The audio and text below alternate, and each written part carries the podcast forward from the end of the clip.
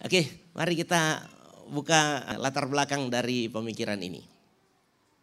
Dari penjelasan dan dari apa yang kita rindukan. Generasi emas di era industri 4.0. Oke, ada yang namanya bonus demografi.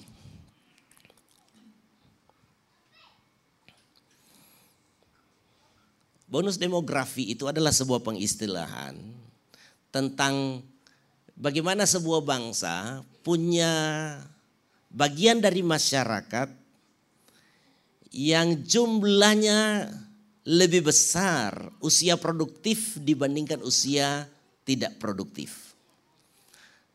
Jadi bonus demografi itu adalah jumlah penduduk yang prosentasinya lebih besar. Angkatan kerja dibandingkan yang belum bisa kerja 0 sampai 15 tahun dan 65 tahun ke atas.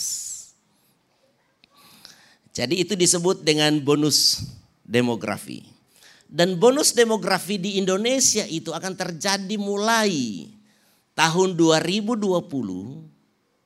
Bahkan ada penjelasan dari dari pimpinan statistik Indonesia, kepala statistik Indonesia, itu hampir sampai tahun 2040. Jadi sekitar 20 tahun. Mulai dari tahun depan sampai 20 tahun akan datang. Indonesia akan mengalami yang disebut dengan bonus demografi. Dan orang-orang yang berusia 15 sampai 65 tahun pada waktu itu, itu kurang lebih 180 juta jumlahnya. Jadi sangat banyak. Dan saudara-saudara, negara-negara yang negara-negara yang pernah mengalami bonus demografi itu itu ada yang paling menonjol itu ada Jepang sekitar tahun 1950. Jadi sekitar setahun 1950 ini saya kira Ale kuasai banget Ale ini ya. Karena kalau Ale tidak tahu ini memang keterlaluan. Jadi ini memang bagian pekerjaan mereka. Jadi Jepang itu mengalami bonus demografi itu sekitar tahun 1950. Dan karena mereka dapat menyikapi bonus demografi dengan benar, maka Jepang mengalami peningkatan ekonomi secara sangat hebat sampai menjadi nomor tiga terhebat di dunia. Jadi begini saudara-saudara. Di depan kita ini bangsa Indonesia, itu ada satu era, ada satu masa yang sangat menentukan keberadaan Indonesia. Apakah Indonesia 20 tahun di depan kita ini akan menjadi negara yang sangat hebat karena diisi oleh generasi emas. Mereka semua dapat berkarya dengan maksimal, mengembangkan karena mereka mengalami pengembangan potensi yang luar biasa di dalam diri mereka. Mereka punya karakter yang baik, mereka punya skill dan pengetahuan yang baik. Maka saudara yang terkasih saya mau katakan begini, di hari-hari akan datang ini Indonesia akan mengalami peningkatan yang luar biasa. Saudara tahu, sedangkan gereja aja hari ini memandang Indonesia. Hampir seluruh dunia tahu tentang informasi apa yang akan terjadi di Indonesia. Kita punya kelas misi tahun depan di Indonesia. Mengapa? Karena mereka katakan begini, bahwa penginjilan dunia di tahun-tahun akan datang akan dipegang oleh anak-anak muda Indonesia. Ketika saya bandingkan dengan apa yang sedang kita bicarakan ini, maka saudara yang terkasih, kita harus menyiapkan sebuah generasi saudara-saudara. Yang kemudian ketika era ini datang, generasi-generasi kita itu boleh menjadi generasi yang mengangkat kemuliaan Indonesia. Tetapi bukan hanya Indonesia, tetapi gereja Tuhan dan penjangkauan jiwa. Katakan amin. Saudara tahu, bahwa bonus demografi itu kalau disikapi dengan cara yang salah itu akan menghancurkan.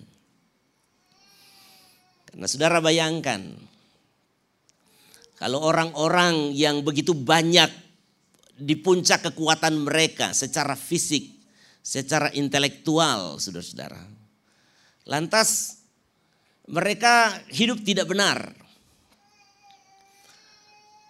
Pengetahuan tidak pas di dalam persaingan, saudara-saudara. Saya memang kalau mau baca data Indonesia agak sedikit-sedikit memprihatinkan. Saya kemarin ada seorang hamba Tuhan tetapi juga seorang sangat cerdas dia mengirim saya data tentang Indonesia. Saya rasa rasa heran, rasa sedih dan ada malu sedikit. Itu orang Indonesia itu dalam statistik. Orang yang memiliki kekayaan di atas 500 miliar dolar di Indonesia itu ada 70 orang. Punya kekayaan di atas 500 miliar dolar. Saya bilang apa tadi? Begitu ya. Di atas 500 miliar dolar. Di Indonesia ada 70 orang.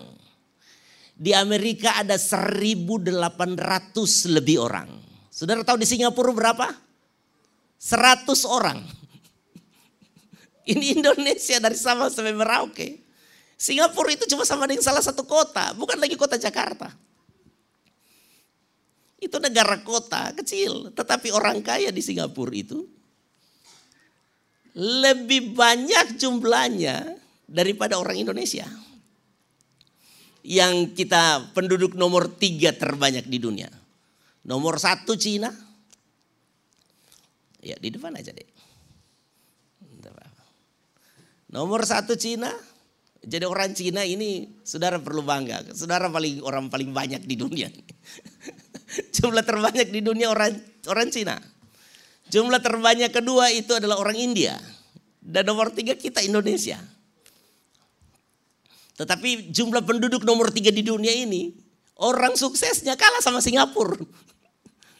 Yang penduduknya 0,0 berapa gitu.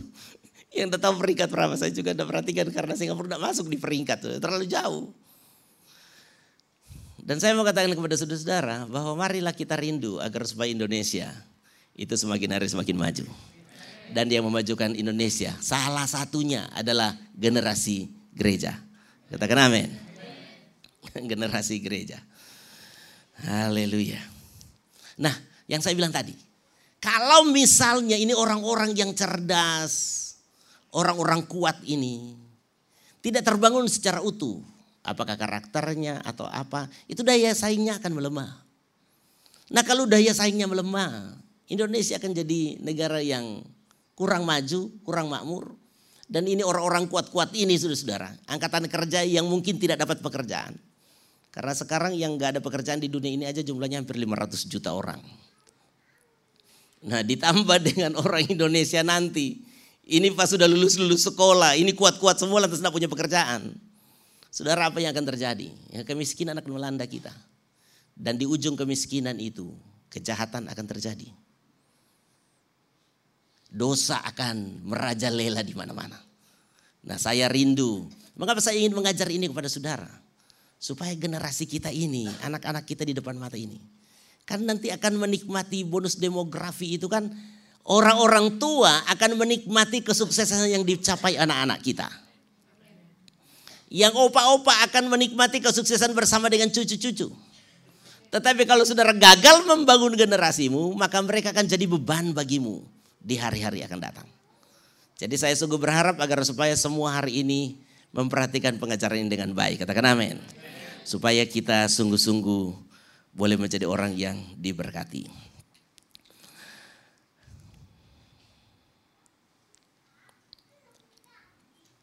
Mari kita akan, eh, ini karena banyak saudara-saudara saya akan melewati beberapa hal karena saya sudah terangkan tadi. Kita masuk di slide yang ke-13. Jadi saudara yang terkasih, kalau misalnya kita tidak bisa menyiapkan generasi kita dengan baik, maka bonus demografi itu akan menjadi bencana demografi. Akan jadi bencana. Karena orang-orang ini jadi pengangguran dan mereka akan menyulitkan kehidupan. Dan saya berharap gereja betul-betul mempersiapkan generasi emas. Katakan amin. Jadi orang-orang tua semua hari ini, sekali lagi sampai opa-opa, opa-oma ini yang hadir hari ini, mari semua fokus supaya generasi kita, anak-anak kita, cucu-cucu kita itu berkualitas emas. Katakan amin. Oke. Okay. Mari kita akan baca Malaikat pasal 2 ayat yang ke-15.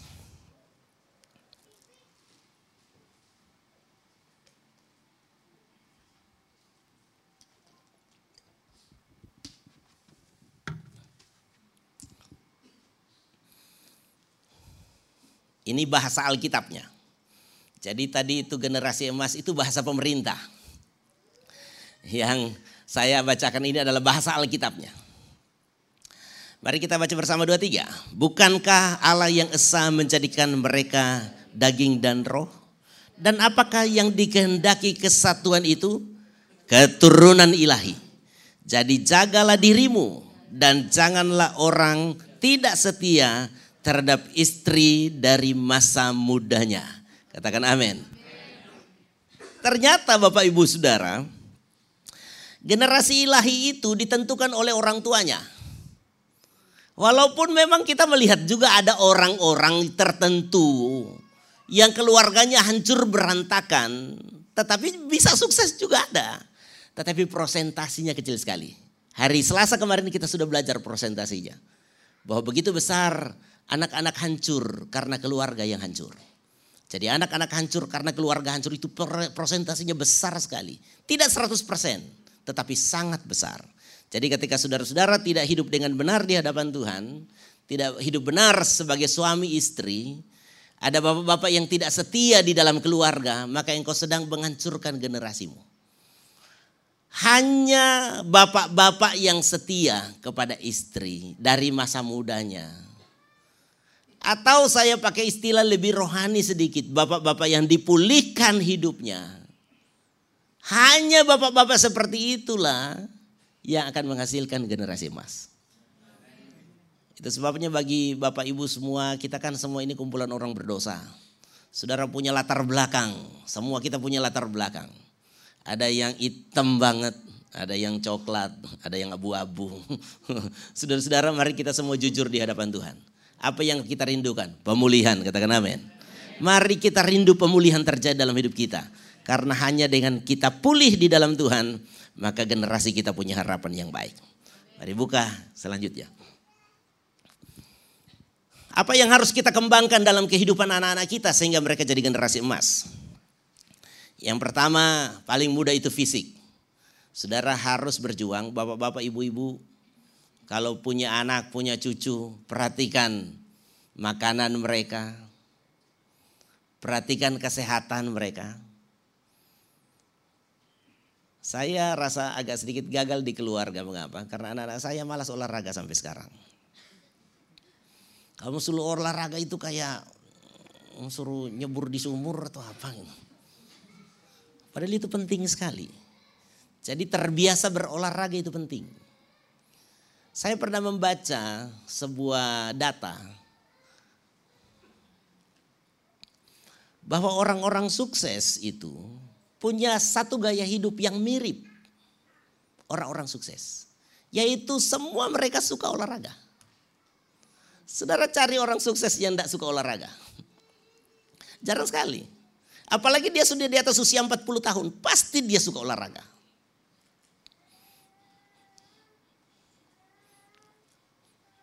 Jadi ini orang-orang tua mesti latih anak-anakmu olahraga supaya sehat.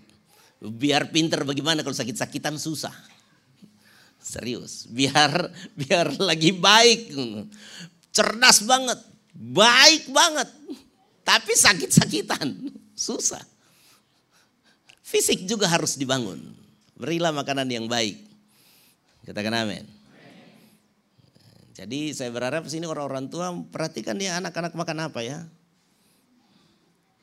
Jangan seenaknya mereka jajan kiri kanan karena banyak duit. Ya terserah mereka mau makan apa. Engkau harus memperdulikan fisik anak-anakmu. Saya aja kalau ngelihat Dei sudah bawa satu gelas gede apa. Saya sudah pusing ngelihatnya. Anak perempuan minum manis sebanyak itu. Jadi mereka kalau mau makan tidak suka dekat saya. Wah pak lagi ada. Mengapa? Karena itu tugas dan tanggung jawab saya sebagai orang tua mengontrol sampai hari ini. Kalau mereka belum dewasa, saya akan kontrol. Karena memang ada anak-anak yang dewasa di bagian lain, di bagian lain kurang dewasa. Nah saya lihat salah satu di cara makan anak-anak saya agak kurang-kurang dewasa. Harus dewasa. Fisik mesti sehat, katakan amin. Jadi orang-orang tua bertanggung jawablah dengan fisik anak-anak. Kemudian kognitif. Kognitif itu apa saudara-saudara? Otak dari anak-anak. Isinya, kecerdasannya juga mesti diperhatikan. Kalau dulu orang-orang pintar selalu berkata bahwa orang cerdas itu karena turunan dan hanya itu. Tetapi dalam penelitian terakhir ternyata kecerdasan itu bisa berkembang.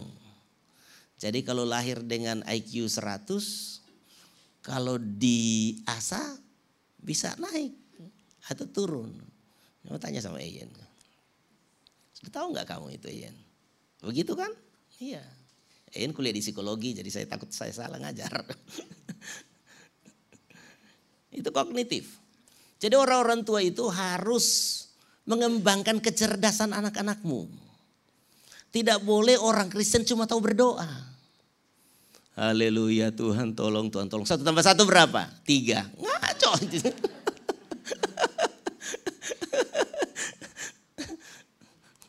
Coba di sini ibu-ibu ya yang punya usaha, terima kasir. Rajin berdoa, baik, tidak tukang mencuri. Tapi salah-salah melulu. Salah-salah melulu. Contoh kalau di sini jual lemari, harga satu juta. Eh, seharga 950. Dia bilang, Encik kasih diskon 20 persen. Dia salah ngitung, ke diskon 40 persen. gitu, salah ngitung. Atau ngitung uang salah. Harga 900 dikasih ini dari 700, 800 atau 600 ya.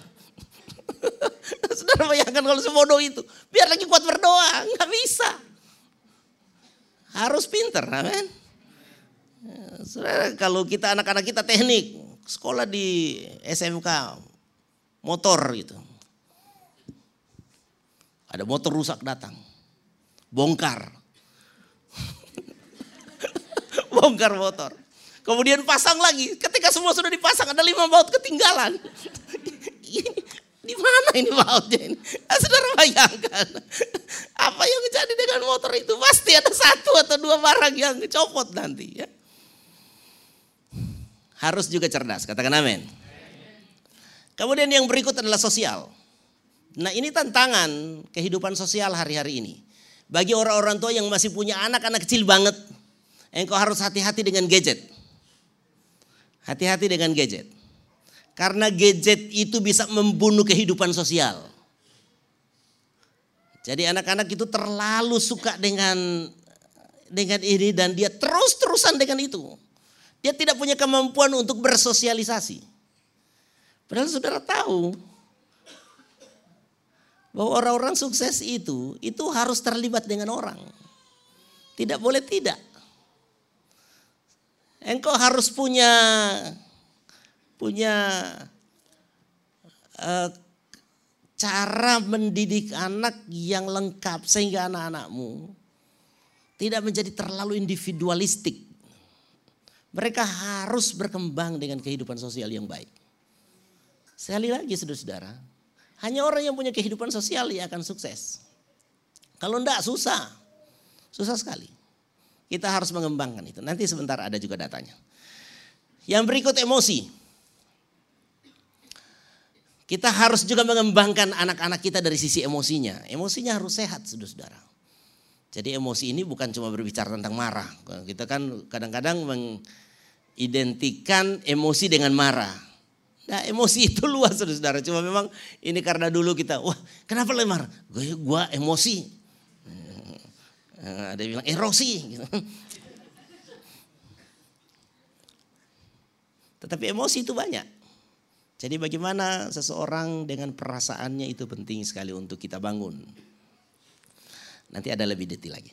Moral. Jadi moralitas juga. Nah, ini di atas ini generasi anak-anak ya sudah mulai ngerti ya. Jadi kalian sampai di sini mulai mulai pikir-pikir, saya punya fisik sehat apa tidak? Kalau kurang sehat, mesti sehatkan. Enggak pernah olahraga, belajar olahraga. Kalau belum tahu, dus kejar-kejar aja itu kucing di samping-samping. saya dulu masih kecil, ya masih remaja teman saya, saya ajak begini. Ayo besok kita lari pagi yuk. Dia tanya begini sama saya, emang takut sama siapa? Maksud kamu? Aku nanti lari kalau takut. Dia bilang, aku lagi enggak takut sama siapa-siapa, jadi aku enggak lari. Nah, tapi kalau yang dewasa dewasa tahu dia takut sama siapa, takut sama sakit jantung, takut sama kolesterol tinggi ya, dia bisa lari-lari itu ya.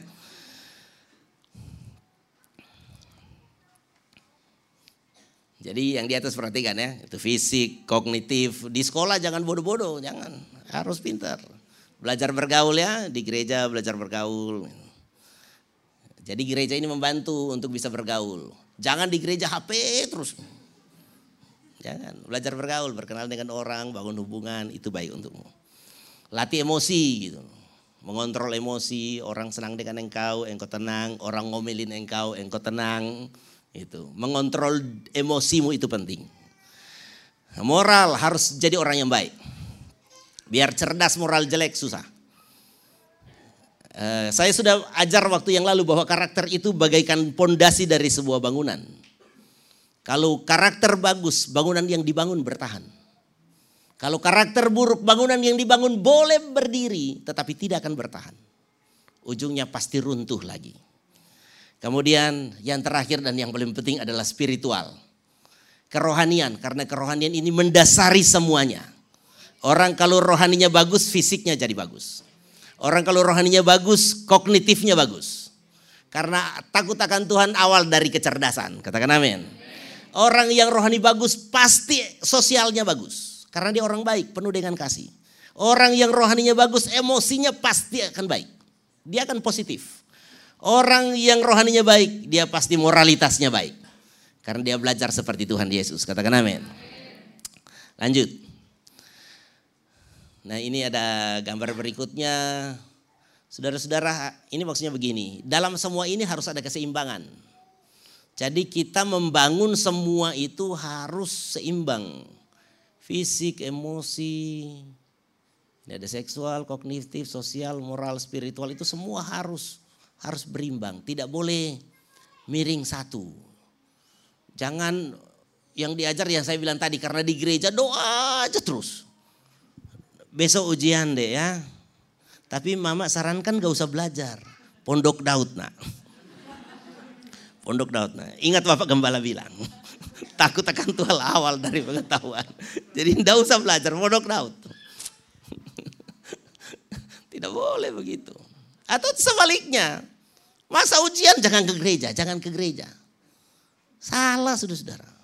Masa ujian justru anak-anak itu harus berdoa harus ke gereja. Mereka belajar untuk mengandalkan Tuhan.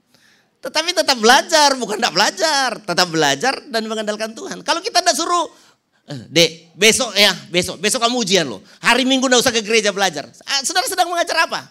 Andalkan dirimu sendiri. Kalau kamu ke gereja, Tuhan gak bisa tolong engkau. Nah itu ngaco itu ujungnya. Rohaninya akan hancur. Nanti kalau dia sudah bekerja, dia juga akan begitu. Ada proyek besar, tinggalkan gereja. Dia mengandalkan dirinya sendiri rohani tidak terbangun, ujung-ujungnya semua bisa hancur. Ya, jadi semua harus dibangun secara seimbang. Lanjut. Ini keprihatinan ortu zaman now. ini keprihatinan orang tua zaman now. Ini anak-anak langsung perhatikan ya. Jadi ini saya memang mengundang anak-anak supaya engkau perhatikan sendiri bahwa inilah keadaanmu. Saya berharap sih enggak ya. Tetapi inilah keadaanmu yang bikin pusing orang tua. Nomor satu, anak-anak zaman now kurang hormat sama orang tua. Jadi anak-anak yang tidak hormat sama orang tua itu berbahaya. Alkitab sudah ajar anak-anak itu harus hormat sama orang tua. Supaya dua, umur panjang dan diberkati. Katakan amin anak-anak. Anak-anak lebih kencang lagi bilang amin. Harus hormat sama orang tua. Tidak boleh tidak hormat sama orang tua. Engkau cepat mati. Alkitab yang bilang bukan saya. Saudara baca di Alkitab. Kalau engkau mau umur panjang dan diberkati, engkau harus hormat orang tuamu. Efesus pasal 6 nanti cari di rumah. Anak zaman sekarang kurang survive dalam hidup. Prakteknya PR dan tugas dikerjakan dibantu guru, les atau orang tua. Nah, saya berharap di sini orang-orang tua yang ada uang hati-hati dengan anakmu, katakan amin. Jangan terlalu sayang. Terlalu, semua yang terlalu itu berbahaya. Sayang ya, terlalu jangan. Aduh dek, kasihan kamu. Ya kamu punya PR mana dek?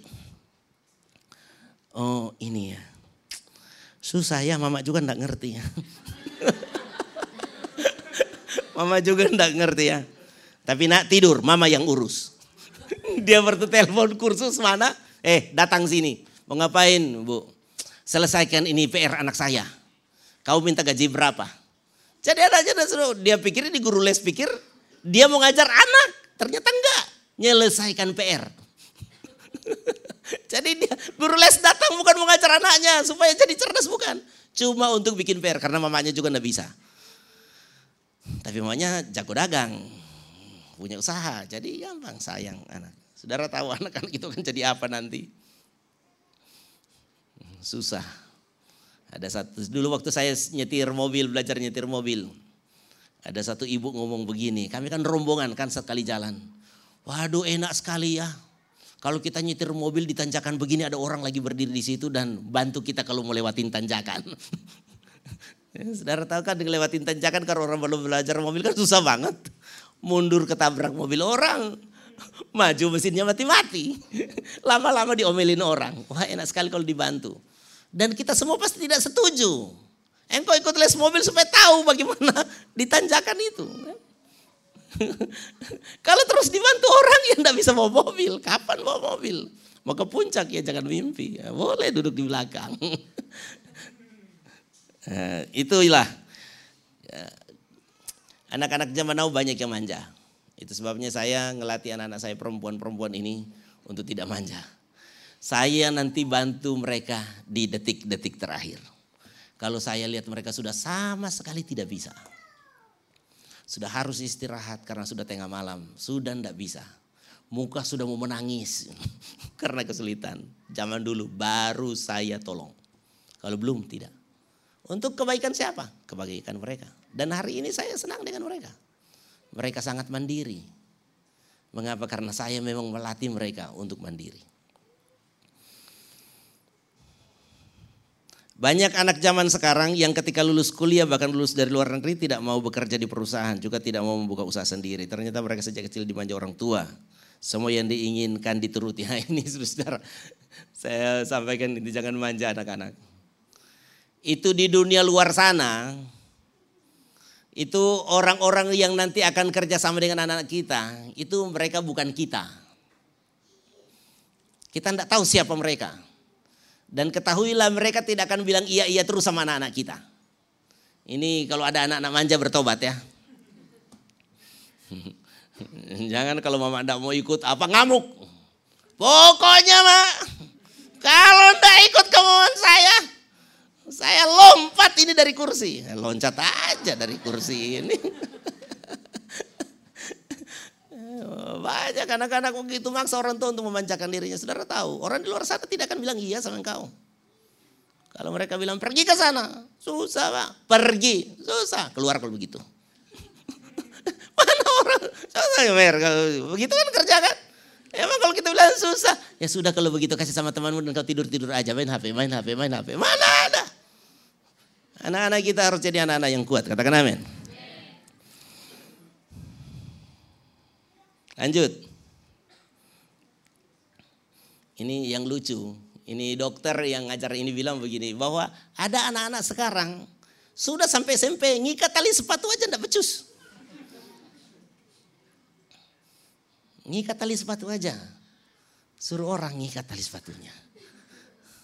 Atau kalau enggak dia beli yang slip on aja. Ngikat tali sepatu aja enggak bisa. Saya senang di sekolah Alkitab.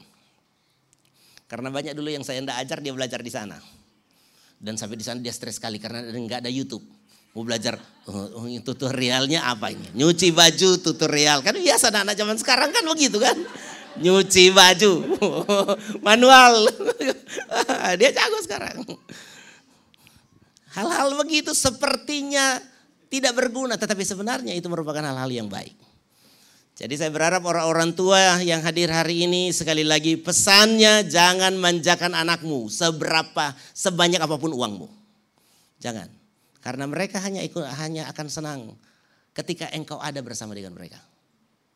Saya bilang sama anak-anak saya begini, dek, satu waktu papa pasti tidak ada. Satu waktu saya pasti tidak ada.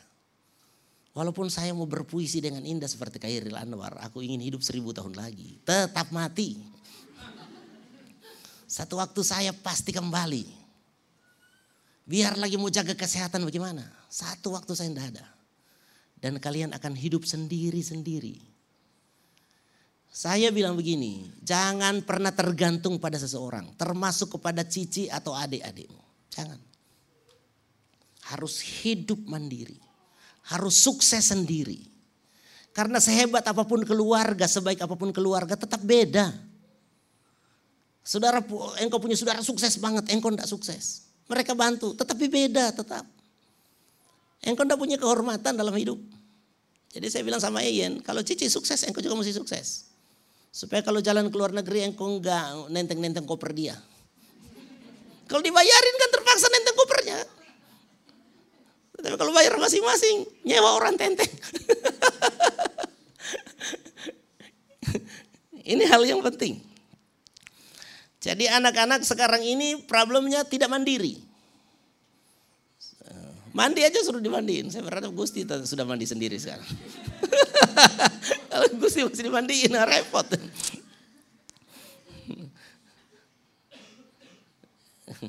yang di atas masih ada yang dimandiin mama. Kalau masih ada bertobat, makan disuapin. Jangan. Harus belajar mandiri, katakan amin. Harus belajar mandiri. Ibu-ibu, bapak-bapak jangan manjain anak sekali lagi ya. Engkau menghancurkan masa depan mereka. Jangan pernah manjain anak kita.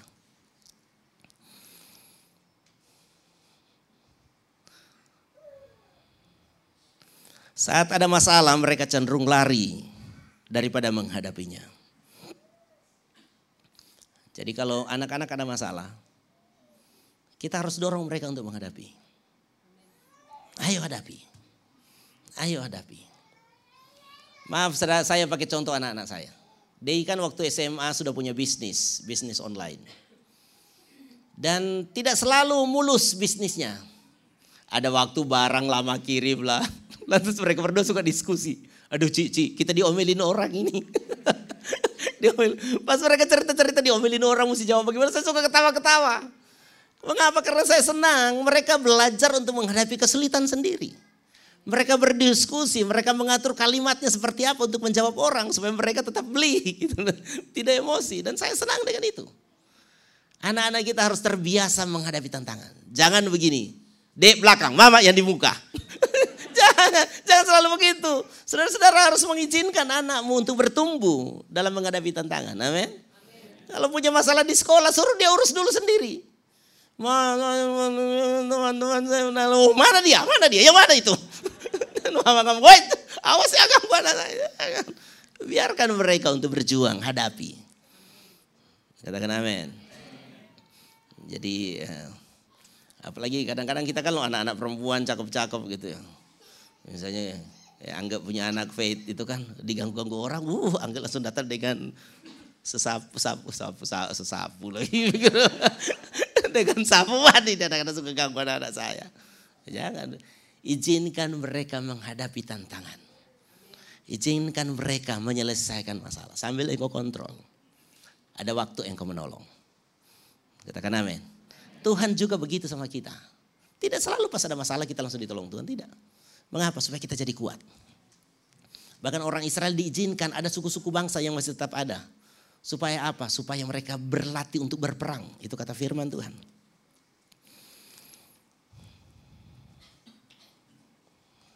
Ini yang kemudian saudara-saudara yang saya bilang tentang sosial tadi. Anak-anak zaman sekarang itu kehidupan sosialnya paling susah.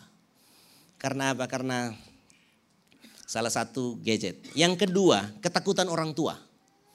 Kalau kita kan anak kampung saudara-saudara pas pulang sekolah habis bikin apa semua langsung di lapangan. Ingat ini bapak-bapak zaman dulu kan.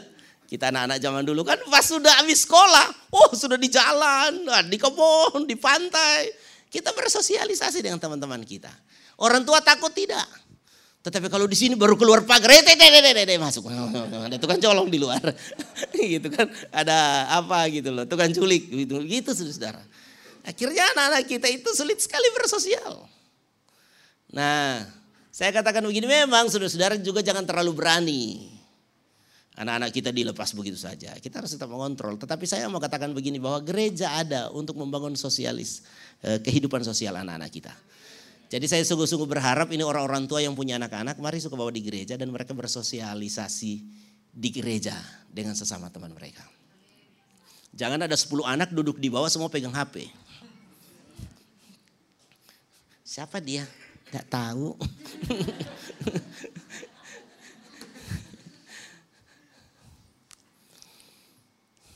saya nantang anak saya. Anak-anak saya juga kan kayak saya sama ibu gembala. Tidak terlalu, kami bukan tipe intim. Saya bukan tipe intim. Saya bukan orang yang datang-datang orang langsung sampai tinggal mau rem aja susah gitu. Saya bukan orang tipe begitu. Saya orang yang kalau mau ngomong terukur cuma sedikit. Itu bukan karena saya. Bagaimana? Memang saya begitu. Karena saya memang kolerik, saudara-saudara. Saya orang, kalau saya mau ucapkan turut berduka cita, kata-kata saya cuma turut berduka cita. Mau bilang-bilang lain malas, heran. Ada yang lain, waduh sampai lembar-lembar lewat. Ini belum habis ucapan duka citanya. saya coba tulis turut berduka cita. Itu saya saudara-saudara. Nah saya perhatikan anak saya juga hampir mirip seperti itu. Tetapi saya nantang mereka untuk, ayo keluar dari keterbatasan karakter kita, temperamen kita. Karena kalau kita tetap seperti begini, kita akan terhambat kesuksesan. Harus keluar bangun bangun komunikasi. Walaupun tetap terbatas, tidak bisa kita mengingkari Tuhan menciptakan kita seperti apa. Tetapi kita tetap bisa. Saya dulu susah sekali juga untuk bersosialisasi. Tetapi saya mulai melatih jadi saya kalau duduk di satu seminar, saya ngomong sama anak saya begini dek, kita ini Tuhan ciptakan dengan otak yang bagus.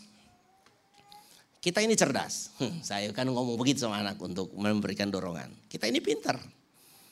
Jadi kalau mau ngomong sama orang, mungkin kita tidak terbakat, berbakat, tetapi kita bisa mikir. Dan saya bilang, semua mudah, tidak ada yang sulit. Jadi kalau saya duduk misalnya contoh dengan seorang pendeta, saya hadir di seminar sendirian. Saya kan mesti bangun kehidupan sosial saya. Gampang sekali mau ngomong dengan orang. Kadang-kadang kalau pikir mau ngomong apa. Orang yang cerewet, oh banyak sekali dia mau ngomong. Dari bawang sampai planet dia juga boleh ngomong sama orang kan. Tetapi kalau orang yang tidak berbakat malas begitu. Tetapi bisa. Gampang sekali untuk nanya. Oh bapak pendeta ya. Oh, oh bukan jemaat. Oh jemaat di gereja mana. Dan itu bisa kemudian makan bakso sama-sama. Dan jadi teman. Dan itu sama sekali tidak sulit. Bisa saja. Cuma memang sekali lagi kita tidak terlalu hobi saudara-saudara. Tetapi saya mau katakan begini, semua bisa. Dan saya mau katakan begini, semua harus melatih itu. Karena rahasia kesuksesan ada kehidupan sosial. Anak zaman sekarang tumbuh dengan kondisi keluarga yang mapan. Di sini kalau ada anak-anak yang mapan, engkau harus bersyukur memang. Tetapi juga harus berhati-hati. Saya kalau mau ngelihat begini, untuk teori cari jodoh, Jangan cari anak orang kaya. Kalau teori cari jodoh, jangan cari anak orang kaya. Masih lebih bagus cari anak yang jadi kaya. Tahu ya, anak orang kaya itu bapaknya kaya. Ya dia enggak tahu gitu kan. Dia pakai mungkin dia pakai baju mahal. Pakai baju merek mahal, mobilnya mahal, rumahnya bagus, tetapi bapak semuanya yang beli. Saya lebih suka dengan anak yang dari orang tua biasa, tetapi dia bisa membangun karirnya sendiri. Saya lebih suka dengan itu. Karena kalau anak saya menikah dengan orang seperti begitu, saya tinggal mati juga enggak apa-apa. Anak saya aman-aman. Tetapi kalau dia anak orang kaya, kami berdua mati, mati kutu dia. saya tidak mencari istri juga anak orang kaya. Saya cari istri yang pekerja keras, yang kayak perempuan ini. Mengapa dia pekerja keras? Karena orang tuanya ngelatih begitu. Ibu gembala itu masih kelas 3, kelas 4 SD sudah bangun jam 5 pagi dan kerja. Bukan main HP. bangun jam 5 pagi dan kerja. Sebelum berangkat sekolah kerja dulu. Itu sebabnya kalau eh, mungkin anak-anak muda lihat Intan rajin sekali. Memang dia sudah terbangun seperti itu. Nah saya sekali lagi bilang kepada Bapak Ibu Saudara yang ekonominya bagus, jangan manjakan anakmu. Ini pokoknya itu kata-kata kunci hari ini. Jangan manjakan anakmu. Oke lanjut. Ini sudah jam berapa ini? Saya khotbah sudah 40 menit. Sudah 20 halaman ini. Sabar saudara, masih ada 100.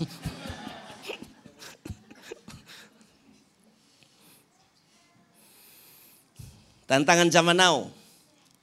Kesehatan mental. Kecanduan, perilaku seks bebas, LGBT, dan kemerosotan moral. Nah, itu sudah saudara baca aja. Statistik dari WHO. Satu, satu dari empat orang ini statistik WHO. Satu dari empat orang punya pengalaman depresi. Satu dari delapan orang punya pengalaman gangguan kecemasan. Jadi ini yang pertama tadi ya. Kemudian satu dalam dalam tiga detik di seluruh dunia ini ada percobaan pembunuh bunuh diri satu. Dan orang meninggal 40 detik jadi di dunia ini setiap 40 detik ada orang meninggal. Jadi kalau saya khotbah 40 menit sudah ada 10. eh, lebih satu menit. Ah, satu menit kan 6, 6 kali 40, 6 kali 4 berapa itu? 120 orang sudah sudah lewat inalillah ini. Jadi luar biasa.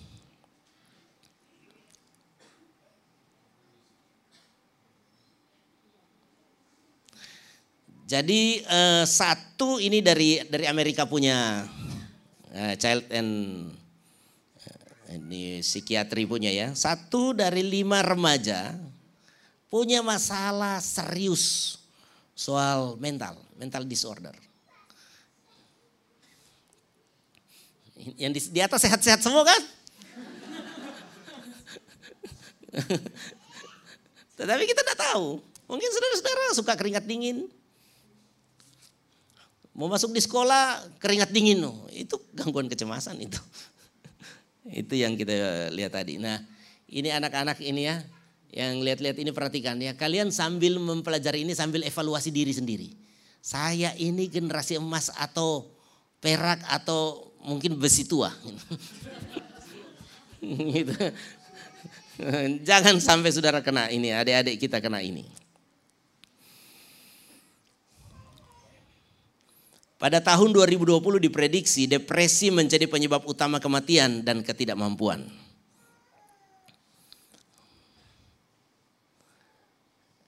Eh, di slide berikut ini ada ada apa? Jadi kalau kita baca tadi masalah itu kan tentang kehidupan seks yang tidak sehat. Di dalam slide berikut ada yang disebut dengan eh, PFC, prefront cortex. Prefront cortex itu adalah bagian otak manusia yang membedakan kita dari binatang. Dan yang paling merusak itu, itu adalah pornografi. Dan kehidupan seks yang tidak sehat di antara anak-anak remaja, ini data menceritakan ini. Jadi orang yang pornografi dan pacaran ya, jadi perhatikan ini data ini. Umur saat berpacaran dan melakukan hubungan seksual sebelum lulus SMU. Yang pacaran dari umur 12 tahun, itu sebabnya saya suka marah-marah ini kalau cepat-cepat pacaran. Ini anak-anak di atas ini yang sudah pacaran-pacaran putus semua sekarang ya. Jangan kalian menghancurkan generasi kalian. Jangan pikir-pikir ada pacar itu membanggakan ya. Masih kecil-kecil pacaran pikir bagus apa? Yang pacaran mulai umur 12 tahun 91 persen itu akan melakukan hubungan seks. Yang pacaran 13 tahun 56 persen. 14 tahun 53 persen. 15 tahun 40 persen, 16 tahun 20 persen. Jadi semakin dewasa dia semakin jago untuk menjaga dirinya. Dan kalau kalian sudah rusak di masa remaja, jangan mimpi nanti berkeluarga akan gampang. Mungkin engkau bisa berkeluarga tetapi mengalami kesulitan yang sangat berat. Dan keturunan kalian itu akan mengalami banyak masalah juga. Mengapa? Karena kalian sulit mengajar mereka. Di dalam rohmu akan, ada tuduhan. Dan engkau akan membangun generasi yang tidak baik. Jadi saya sampaikan ini sekali lagi anak-anak remaja. Jangan bangga pacaran masih muda, jangan bangga. Masih muda sudah pacaran, bahaya untuk dirimu sendiri. Jadi lebih bagus bertahan. Dan saya memperhatikan begini, bukan orang yang jago pacaran yang cepat menikah. Bukan. Jangan saudara pikir, oh saya banyak pacar jadi saya cepat menikah. Belum tentu. Justru ketika engkau sudah menikah engkau akan mengalami kesulitan. Karena cowok-cowok yang baik akan baca daftar pacarmu. Oh ini dia sudah pacaran dari umur begini. Ah ini Bapak Gembala bilang sudah bahaya mungkin dia nanti ini. Jadi mungkin dia akan pacaran dengan engkau tetapi menikah. Belum tentu. Jadi jaga hidup. Anak-anak ya, anak-anak perempuan, laki-laki di atas ya. Siap? Kok pada diam semua? Siap enggak hidup benar? Oh, siapnya begitu. Siap enggak? Lebih keras lagi kayak opa-opa 70 tahun. Ayo. Siap enggak? Ya begitu ya, sudah pacar putus ya. Kok ada yang bilang siap? Jangan kalian tahu. Kalian jangan jangan pikir om enggak tahu ya. Saya kan so bilang ini, saya sudah bilang kan di gereja ini apa yang saya tidak tahu. Saya ini saingan Tuhan Yesus ini di sini. Jangan kalian pikir om udah tahu.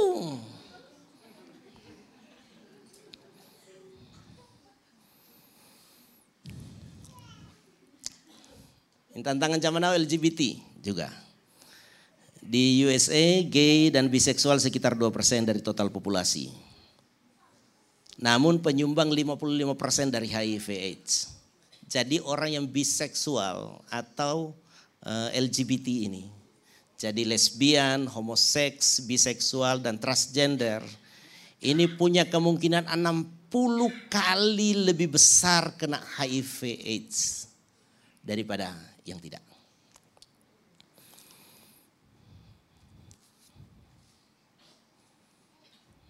Kita lewati aja ini data di sana soalnya ya. Pola mengasuh anak remaja.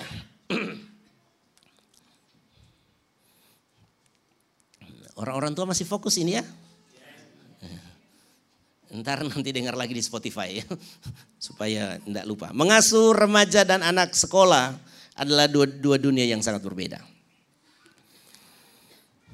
Mari kita pindah ke slide berikutnya. Saudara perhatikan. Kalau ngasuh anak itu, itu begini. Jadi orang tua itu membawahi anak. Jangan terbalik, jangan orang tua anak masih kecil sudah jadi teman. Jangan, karena anak-anak itu akan salah kalau orang tua terlalu berteman dengan anaknya. Orang tua itu harus jadi atasan dari anak-anak. Dari anak-anak, dari anak kecil, dari anak-anak usia 10 tahun ke bawah. Jadi kita mesti ajar, kita mesti suruh, dan kita mesti kasih hukuman atau hadiah. Dan orang tua itu harus sepakat kayak begini. Jangan papa perintah apa, Mama perintah apa? Pas papa nyuruh, mama yang lawan. Gitu. Mama nyuruh, papa yang lawan. Papa disiplin, mama yang jadi pengacara di sebelah. jadi kalau bapak disiplin, kamu anaknya jangan begitu ya. Anaknya sama mama aja yang lawan bapaknya. Sabar nak, sabar nak, sabar nak. Jangan dengar papa, memang papa itu cerewet. Dia kekeu, memang laki-laki jahat dia. Jangan. Kalau mamanya bilang, jangan minum es. Jangan papanya diam-diam beli es. jangan. Kita harus saling mendukung. Amin. Ya. Jadi ini yang orang-orang tua ya. Lius datang sendiri. Sendiri datang. Mana satu? Di belakang. Iya. Ingat ya sepakat ya kalau duduk mendidik itu anak-anak. Jangan kalian berdua tidak sepakat. Kemudian urus ini anak. Tapi kalau anak remaja dia mesti begini, jangan terbalik. Kalau ngurus anak mulai remaja, itu orang tua harus tetap sepakat dan anak-anak itu harus dijadikan teman. Jangan saudara-saudara mau bertindak jadi penguasa, apalagi jadi penjahat untuk anak remaja. Jadi mesti diajak ngobrol, ditemanin. Jangan belaga orang dewasa terus. Nggak usah bilang-bilang, ini saya papa. Saya juga udah tahu kali.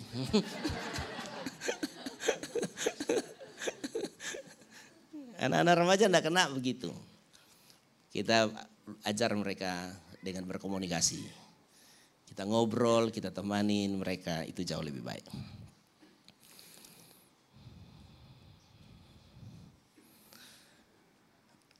Hubungan yang mendalam dibangun atas komunikasi bukan paksaan. Komunikasi dan tindakan berjalan bersama.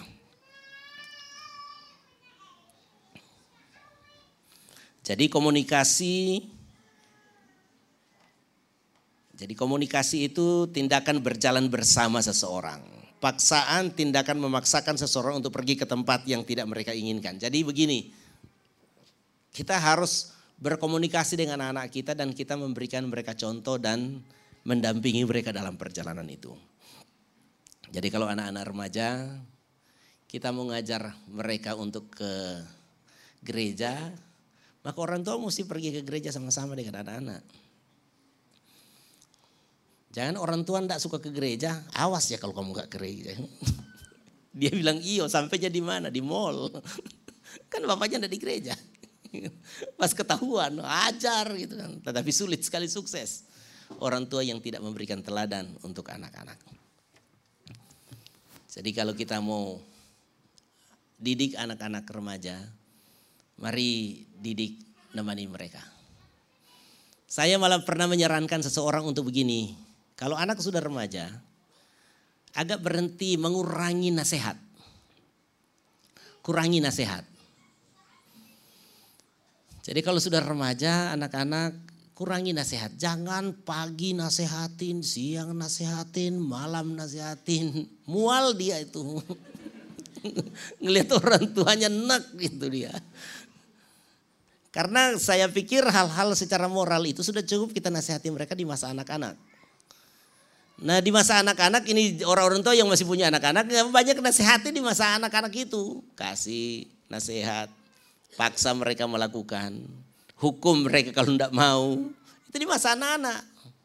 Kasih hadiah ketika mereka laksanakan. Tetapi kalau sudah remaja, engkau temanin aja. Justru saya perhatikan begini, anak-anak yang disayang-sayang di masa remaja, tanpa dinasehati mereka akan menuruti semua nasihat kita. Karena sebenarnya anak-anak remaja semua sudah tahu. Tetapi mengapa mereka melanggar? Karena mereka punya kebutuhan dari orang tua tidak terjawab dan mereka cari di pacar-pacar mereka. Bukan di pacar, di pacar-pacar mereka. Ada anak-anak yang jadi haus kasih sayang karena nggak dipeluk sama bapak ibunya di masa remaja. Kan harusnya yang memeluk di masa remaja itu tetap orang tua. Kalau orang tua tidak meluk mereka di masa remaja, mereka kan dipeluk sama orang, -orang lain tuh. Saya bilang ini ada anak-anak perempuan, anak-anak perempuan kok dikit, cuma berapa orang di atas itu ya. Anak-anak perempuan kalau harus kasih sayang ya mesti dekat dengan orang tua. Jangan cari di laki-laki. Mereka tidak akan peluk engkau dengan kasih sayang. Mereka akan peluk dengan nafsu. Narga laki-laki. Bohong engkau peluk dengan kasih sayang. Omong kosong itu I love you, I love you di masa remaja. Tidak ada. Cuma mau tes-tes, mau coba-coba. Apalagi kalau habis nonton video porno. Ya tidak ada kasih sayang, yang ada nafsu sayang. Jadi anak-anak perempuan jangan harap-harap yang kamu dapat kasih sayang itu dari anak-anak laki-laki sana itu. Mereka pada benci dia. Ini om ini kasar sekali sama kita hari ini ya. Tapi kan jarang-jarang saya nasihati begini kan, jarang kan. Jadi ini cuma sekali-sekali ini. Jadi ini kebetulan ini bagian yang penting ya. Eh, mengapa ini saya sampaikan supaya kalian jadi generasi emas? Katakan amin. Nanti pas 2030 kalian jadi orang-orang sukses semua. Pokoknya kalau kalian sudah dewasa jangan lupa, ini Bapak Gembala nasihati saya dulu, kecam-kecam dulu waktu remaja. Tetapi itu penting ya.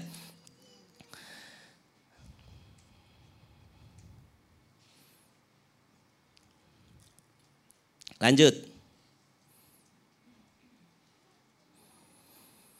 Komunikasi yang kuat dan efektif membawa perubahan. Kasih saja tidak cukup untuk menopang suatu hubungan. Jadi Bapak Ibu Saudara sekali lagi kalau saudara mau kasih nasihat anak-anak remaja itu temani mereka dan ngobrol soal nasihatmu. Jadi jangan duduk di depan dan mulai kasih nasihat. Saya ada waktu tertentu saya kasih nasihat seperti itu. Tetapi tidak tidak sering. Saya malah kemudian sudah berhenti. Saya nasihat sama anak-anak ya ada waktu-waktu tertentu aja saya cuma suka ingatin. Jangan lupa ya Papa bilang ya, jangan lupa. Karena mereka pada dasarnya semua sudah tahu. Dan menasehati sebagai seorang teman itu akan jauh lebih memperdalam hubungan. Oke, lanjut lagi. Bagaimana supaya orang tua dan anak punya hubungan yang bagus? Nomor satu, katakan bersama rasa aman. Lebih keras lagi rasa aman. Jadi anak-anak kita itu dan orang tua ini bapak-bapak, ibu-ibu, kalau kalian mau supaya anak-anak itu punya hubungan yang dekat dengan engkau apalagi di masa remaja mereka, berikan mereka rasa aman. Jadi jangan begini. Wah, papa datang nih. Oh, aku diomelin nih. Aku dimarahin lagi nih. Mereka rasa tidak aman. Jadi mereka akhirnya tidak mau. Engkau harus menciptakan rasa aman di hati anak-anakmu. Bagaimana cara menciptakan rasa aman di hati anak-anak? Kita harus jadi orang yang bertobat. Katakan amin. Yang emosi-emosi, yang tukang-tukang ngamuk itu mesti bertobat. Supaya anak-anakmu rasa aman dengan engkau. Kalau tidak susah. Dan saya berharap begini, anak-anak mari belajar mengerti dengan orang tua. Jadi kalau orang tua eh, agak keras-keras kasih nasihat, Saudara harus tahu mereka tidak benci kepadamu. Katakan amin anak-anak. Tidak benci, mereka itu sayang. Mereka tidak akan menjerumuskan engkau, tidak.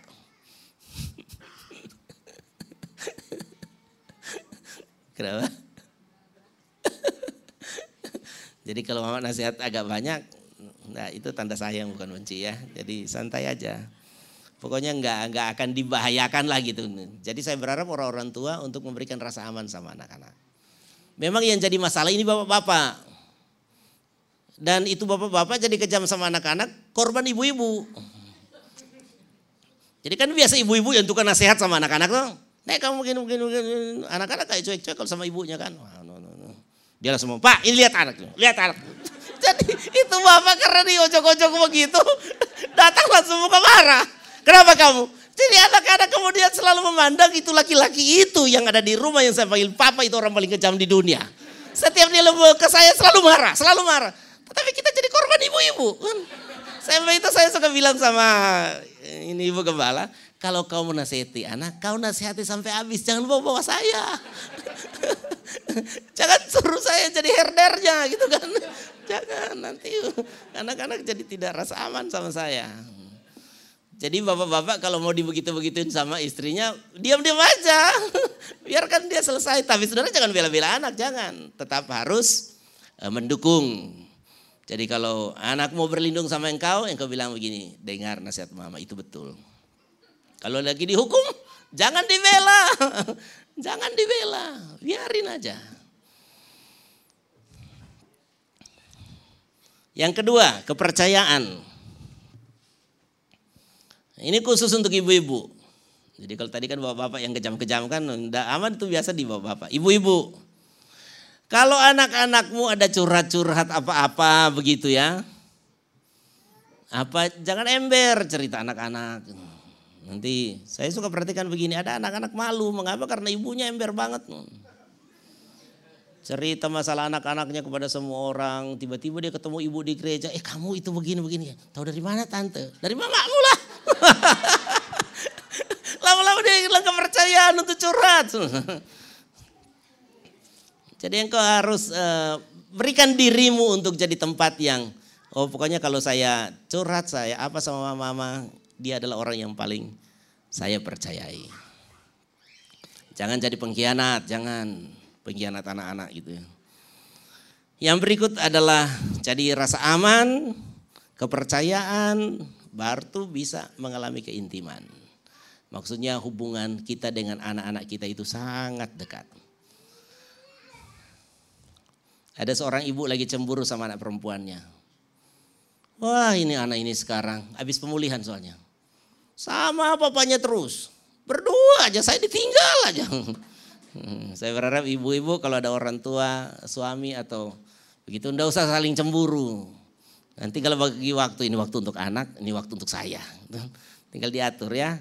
Jadi kalau biasanya begini, anak-anak perempuan itu lebih mesra dengan bapaknya. Lebih mesra dengan bapaknya. Tidak tahu kenapa, tetapi memang biasa begitu. Anak laki-laki lebih akrab dengan ibunya. Itu sebabnya kalau sudah menikah biasa orang tua berantem sama mantu. Karena yayangnya diambil kan. Jadi misalnya untung ibu gembala enggak punya anak laki-laki. Kalau enggak dia bisa patah hati nanti. Angga siap-siap. punya satu kan, eh tiba-tiba dia sudah ceweknya terus yang diurus mamanya gigit jari. Tapi tenang ada Ale ya. Itu sebabnya saya katakan ibu-ibu jangan jadi wanita nomor satu dari anak-anakmu. Jangan. Ibu-ibu harus jadi wanita nomor satu dari suamimu.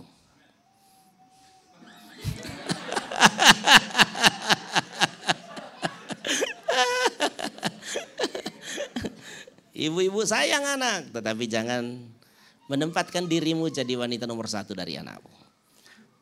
Laki-laki juga sama. Jangan jadi laki-laki nomor satu dari anakmu. Jangan. Saya harus seperti begitu dengan ibu gembala. Kalau nomor satu bagi saya, saya harus nomor satu juga bagi kamu. Kita cocok ya. Ntar anak-anak ini kalau sudah digondol maling, oh, kita tenang aman. Oke. Okay.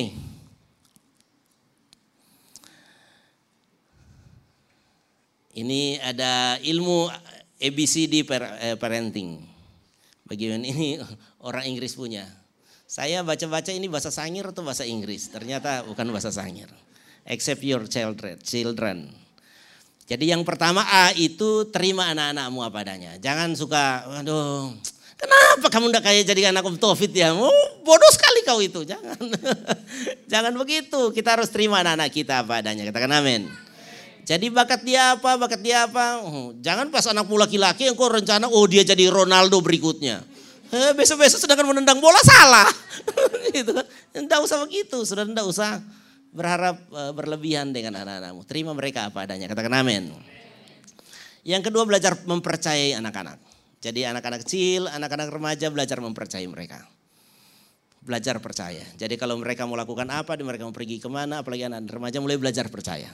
Oke aku percaya, papa percaya sama kamu ya, papa percaya. Jadi kepercayaan itu akan mendewasakan mereka. Kemudian berikan tantangan. Uh, ini ya ada ini ya, kamu coba kamu bikin. Kalau saya tantangan untuk anak-anak saya di gereja selalu. Oke ya, dia kamu coba pimpin ini ya. Itu akan membuat dia kualitasnya lebih maju. Oke kamu bapak kasih tantangan begini. Oke bisa kok kamu coba masuk aja gitu. Coba bikin ini, coba bikin itu, coba bikin ini. Kasih mereka tantangan untuk Eh, melakukan sesuatu. Dan itu akan bagus untuk anak-anak saudara. Jadi dari kecil suka dikasih tantangan. Apakah itu dalam bentuk pertandingan olahraga, apakah bentuk pertandingan menyanyi, apakah itu dalam bentuk pelayanan, dalam bentuk tugas. Kasih mereka tantangan. Tetapi jangan dengan stop sampai situ, yaitu juga mendisiplin mereka. Katakan bersama orang-orang tua, disiplin anak. Jadi orang-orang tua jangan jangan tidak mendisiplin anakmu. Karena disiplin itu, itu ada di mana saja dan sampai kapan pun.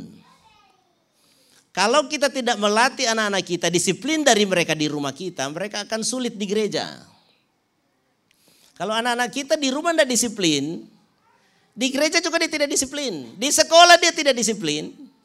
Nanti di pekerjaan dulu juga dia tidak disiplin. Dan saudara tahu orang yang tidak disiplin tempatnya di mana? Ya kalau saya mau bilang kasar ya tempatnya tong sampah ujung-ujungnya. Bukan dibuang di tempat sampah. Tetapi ingin ngais-ngais sampah. Maksudnya mungkin tidak jadi pemulung, tetapi dapat rezeki sisa-sisa. Orang yang tidak disiplin begitu, saudara. Karena di kantor tidak bisa kepake, di bisnis tidak bisa dipakai. Coba tanya ini yang engkau-engkau tukang bisnis. Lantas janji ya, oke kerja. Berapa lama ini mau bikinnya? Dua minggu. Coba saudara tiga minggu belum selesai. Jangan harap dapat langganan. Engkau harus mendisiplin dirimu. Untuk kalau kita sudah bilang ini ya ini. Ini saudara-saudara disiplin di anak-anak adalah kita harus uh, menjaga mereka untuk tetap teratur. Bangun jam berapa, pergi sekolah jam berapa. Jangan seenaknya. Anak nak mau sekolah ya biarin aja. Ngantuk ya dek ya. Ngantuk mami ya tidur lagi dek, tidur lagi. Nanti di sekolah bagaimana? Nanti mama yang menghadap. Saudara-saudara susah. Mereka ketika di kantor masa enggak masuk kantor mama juga yang pergi ke kantor. Tenang deh, enggak usah masuk kantor nanti mama ketemu bos kamu. Memalukan banget. Jadi harus tetap disiplin mereka dari kecil disiplin. Sudah remaja tetap disiplin. Kalau saudara punya peraturan di rumah tetap diterapkan. Pulang ke rumah jam 10 malam. Harus tetap jam 10. Boleh ada waktu tertentu tetapi mesti ada penjelasan. Nah, tetapi harus pulang jam 10. Dulu saya pernah mendisiplin anak-anak di gereja kita. Jam 9 harus bubar kegiatan semua gereja. Tidak boleh jam 9 masih ketawa-ketawa di mana. Sekarang ini sudah karena sudah lebih dewasa saya sudah agak lebih melonggarkan waktu. Tetapi ketika Simon ini masih mereka itu SMA SMA semua suka ngumpul-ngumpul, saya bilang ini jam 9 harus bubar. Satu waktu mereka ngumpul-ngumpul di rumah belum pulang, saya datang pulang, pulang, pulang, pulang, pulang, pulang, pulang. Tidak boleh, tidak disiplin, harus disiplin. Harus disiplin, karena kalau tidak disiplin susah. Saudara-saudara mau berbisnis susah, mau kerja susah, mau pelayanan susah. Kalau tidak disiplin semua susah. Ujung-ujungnya nggak bisa disiplin mata juga. Sudah punya istri masih lihat-lihat orang lain. Itu juga karena tidak disiplin. Ada di sini bapak-bapak ibu-ibu yang tidak disiplin? Jangan. Kalau lihat-lihat lihat-lihat kan Alkitab bilang, eh bukan Alkitab lagi. Pepatah bilang kan dari mana datangnya cinta kan? Dari mana ayo? Dari mata. Coba kalau tidak disiplin mata. Sedikit-sedikit lihat orang punya istri. Lama-lama jatuh cinta. Jangan, kita harus disiplin hidup kita. Katakan amin. Dan yang terakhir adalah uh, berikan dorongan, motivasi, encourage. Kita harus memberikan dorongan. Kamu pasti bisa. Kamu anak luar biasa.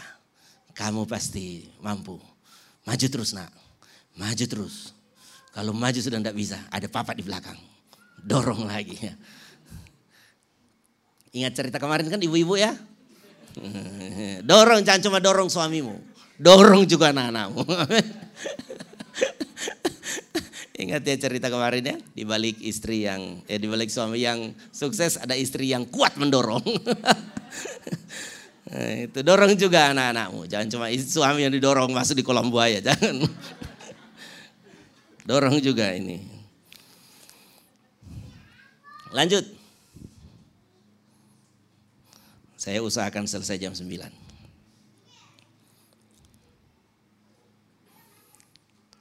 Ini hukum jadi orang tua. Yaitu bonding time. Bonding time ini maksudnya waktu bersama.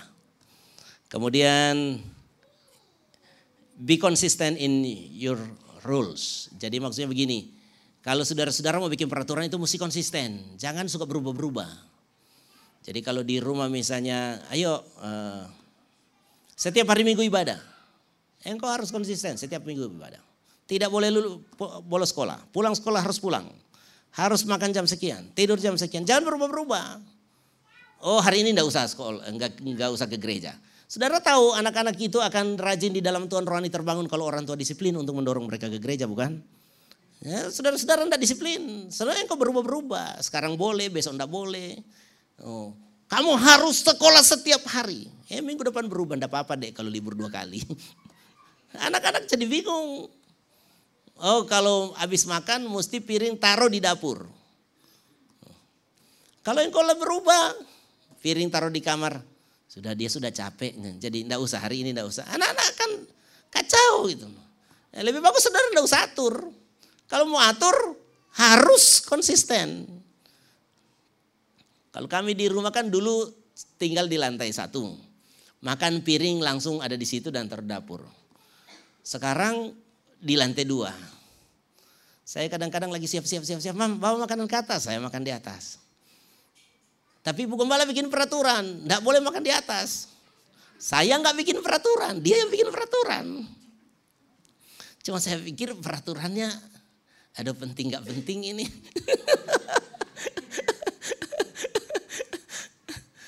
Jadi peraturan tidak jalan karena yang pertama kami berdua tidak sepakat. Yang kedua tidak konsisten.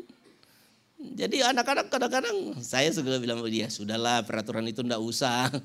Tadi kan cekel-cekel, sudah usah lah peraturan itu. Jadi begini aja, kalau lihat anak-anak piring kotor ya bawa turun aja. Dan saya ndak pernah komentar apa-apa. Satu-satu waktu saya cuma bilang, hei kasihan sama mamamu itu lihat. Mama kalau melihat Tetapi kalau saudara-saudara sudah sepakat untuk membuat sebuah peraturan, konsisten lah. Jadi kenapa saya tidak konsisten? Karena saya memang tidak buat peraturan itu dan saya tidak berdua bikin rapat keluarga dan bikin peraturan. Mulai sekarang, enggak belum. Dan saya pikir enggak usah lah bikin siksa soalnya. Ampuni ya mami ya. Tetapi intinya begini, kalau saudara sudah bikin peraturan konsisten lah. Dan itu akan membantu anak-anakmu.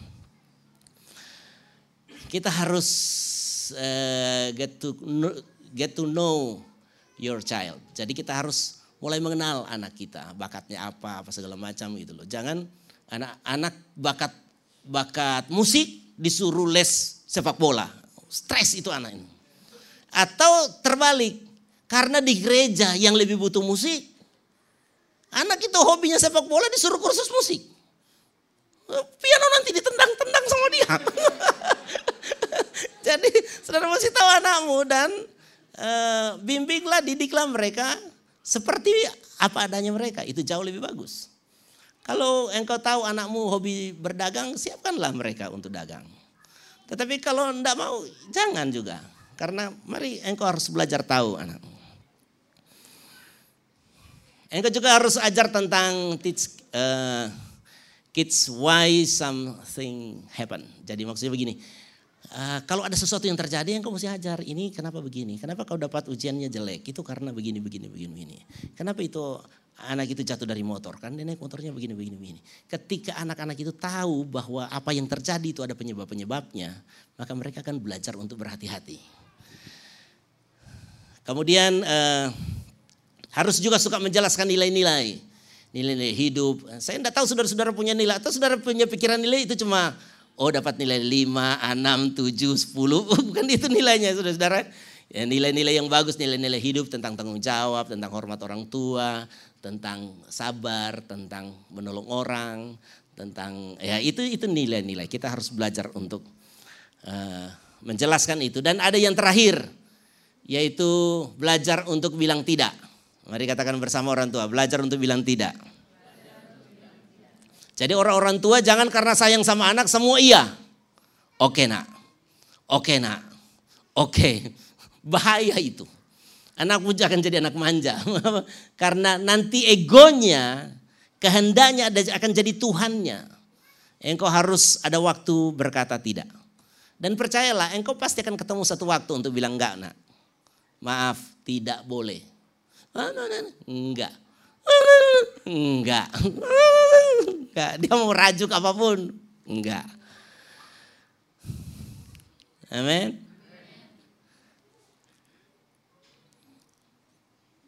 Makasih makan Indomie berapa hari? Satu minggu berapa kali?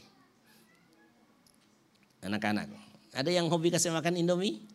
Saya sih baca hasil penelitian dari Singapura. Itu boleh makan Indomie satu minggu cuma satu kali. Sayangnya Indonesia ini, Indomie adalah makanan terenak di dunia. Serius, saya juga doyan banget.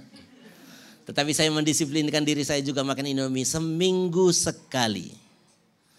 Biasanya kalau pulang gereja, saya lagi suka Indomie, saya bilang sama Ibu Gembala, Indomie dong mam. Nah kalau saudara-saudara ikut apa yang saya sampaikan ini, oke okay, boleh Indomie seminggu sekali. Hari apa? Hari Sabtu pagi. Hari Senin mah Indomie pak. Enggak. Ini ayam. Enggak ayam enggak mau. Enggak. Enggak mau Indomie. Aduh. Suapin ya. Aku gak makan kalau enggak Indomie. Ya sudah deh Indomie. Jangan begitu. Pokoknya enggak. Lapar-lapar. Indomie nanti hari Sabtu. Engkau mesti belajar bilang tidak. Katakan amin. Oke, lanjut lagi.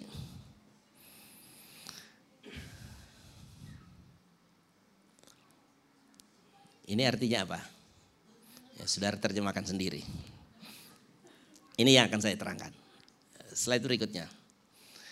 When you when your brain works right, you works right. When your brain doesn't work right, you can work right. Jadi maksudnya begini saudara-saudara. Kalau mau beli cabai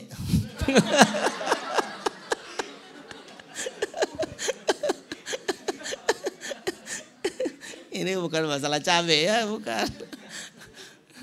Kalau saudara punya otak itu bekerja dengan benar, maka engkau bisa melakukan sesuatu yang benar. Kalau otakmu ngaco, maka engkau juga akan ngaco. Jadi saudara harus hati-hati dengan otak saudara. Nah ini yang saya terangkan tadi tentang P, eh, PFC. Slide berikut, Kas.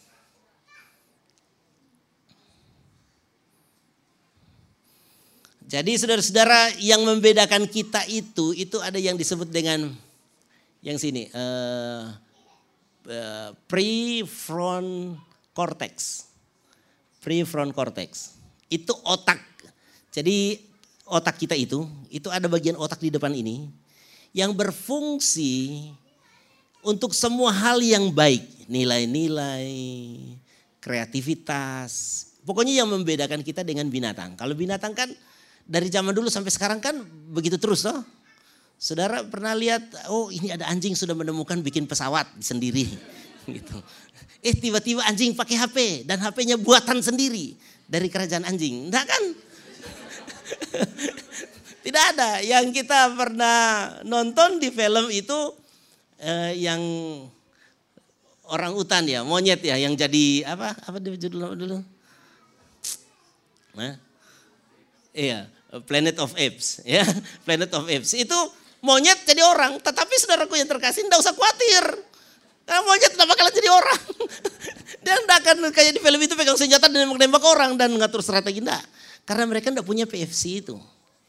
Yang punya PFC itu cuma kita.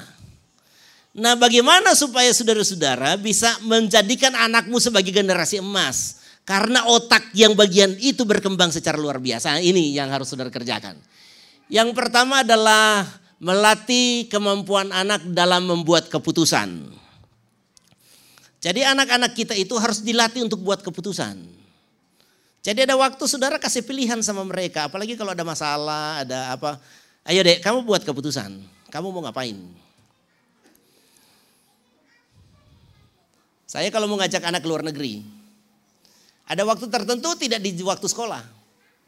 Dan saya tidak akan buat keputusan untuk mereka. Saya cuma tanya, Yen, Papa rencana mau keluar negeri bulan November. Itu dulu. Kita akan pergi ke Singapura misalnya. Kenapa November? Papa punya perhitungan begini. Tidak mungkin mid semester di November. Kalau Oktober ya. Karena mungkin uh, Juli, Agustus, Eh, September mungkin meleset-meleset di Oktober. Tapi kalau November nah mungkin, pasti akan semester di Desember. Dan kita pergi di November awal. Kalau kamu setuju, mama beli tiket. Yang putuskan siapa? Bukan saya.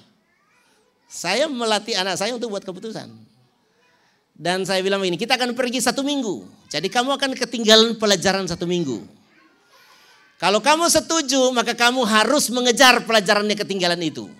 Bagaimana caranya kau pikir sendiri. Kalau minta ini sesinya ada dua ya di depan sama di belakang. Sebenarnya orang tua yang punya anak-anak kecil perhatikan ya karena kalian yang sangat butuh. Kalau misalnya sudah tidak dengar hari ini nanti dengar di Spotify ulang ya. Jadi begini, saya melatih anak saya untuk membuat keputusan. Kalau setuju oke. Okay.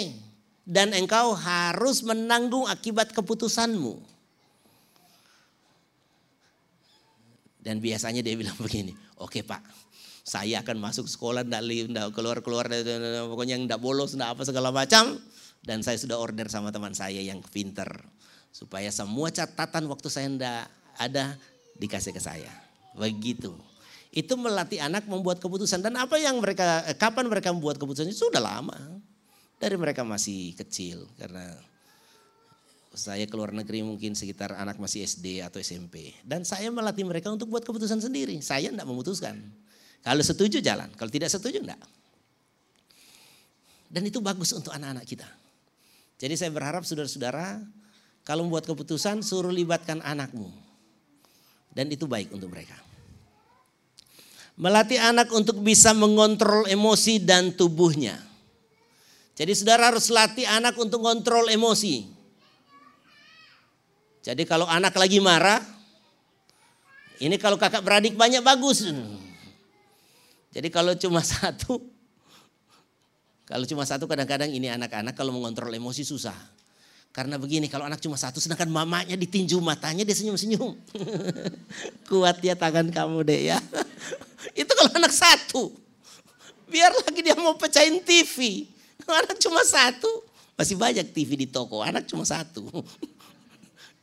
Begitu. Tetapi sebenarnya anak pun satu pun harus diajar tentang itu mengontrol emosi karena bahaya kalau tidak. Nah, tapi kalau misalnya ada ada saya begini kan karena banyak ya ketahuan kelihatan karena yang paling gampang berantem itu kakak beradik. Ya Gus ya. Kan kita jarang berantem dengan tetangga kan. Ada sekali-sekali. Tetapi yang sering berantem itu kakak beradik. Nah kita harus membantu mereka untuk mengontrol emosi. Di rumah kami itu satu tukang goda, satu tukang marah, satu tukang nangis.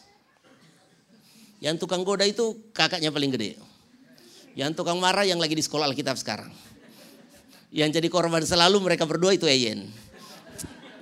Saya tidak tahu konspirasi seperti apa terbangun itu. Ini dua ini saudara-saudara tukang berantem sendiri. Tapi kalau mereka ada sesuatu yang dikerjain Eyen. Jadi Ayan itu dari dulu lebih takut sama cici-cicinya daripada sama saya. Oh. Mungkin berdua cemburu kali. Ini karena adik agak sedikit jauh jadi kelihatan orang tua lebih sayang sama ini yang kecil. Jadi pokoknya kalau ada apa-apa in kamu in, kamu in. Dan Ayan suka terjajah di rumah. Tetapi ketika saya tahu itu saya suka ngomong, Dei jangan begitu. Cicit, uh, cicit itu enggak boleh dicentik di di apa sedikit perutnya. Uh, langsung wah.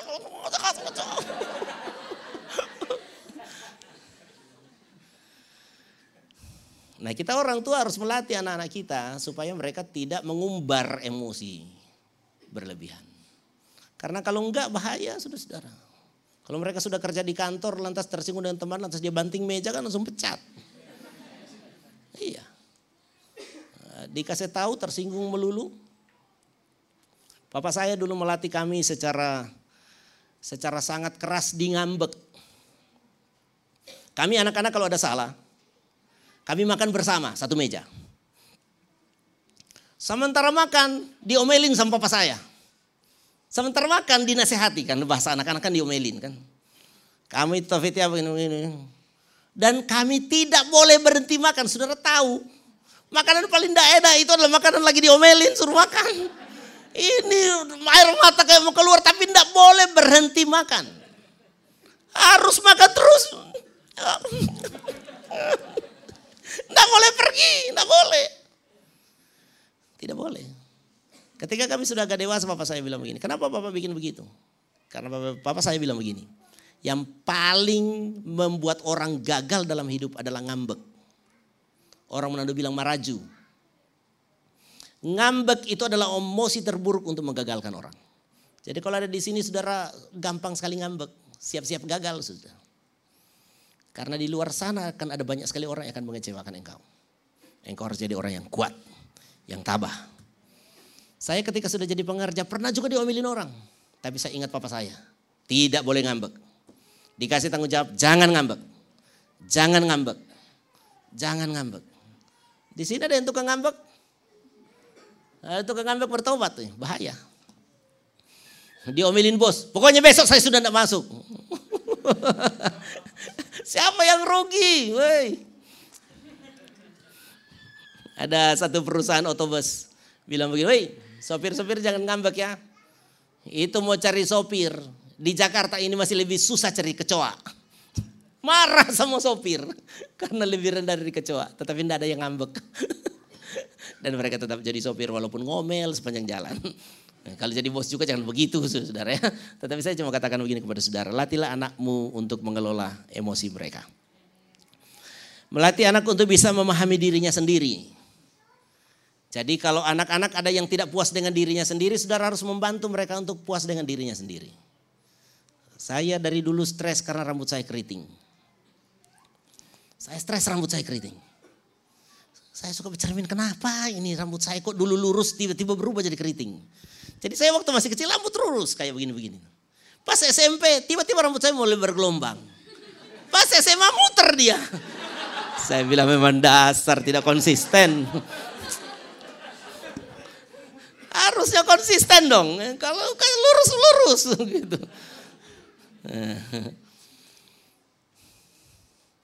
Tapi kemudian saudara-saudara saya mengerti bahwa ternyata rambut keriting tidak ada pengaruhnya dalam keberhasilan seseorang. Karena saya mulai lihat begini, ada orang rambut lurus juga gagal, rambut keriting ada juga gagal. Tapi ada juga yang berhasil. Ya. Dan kita harus menerima diri kita apa adanya, katakan amin. Jadi orang-orang tua mesti membangun anak-anak untuk menerima diri mereka apa adanya.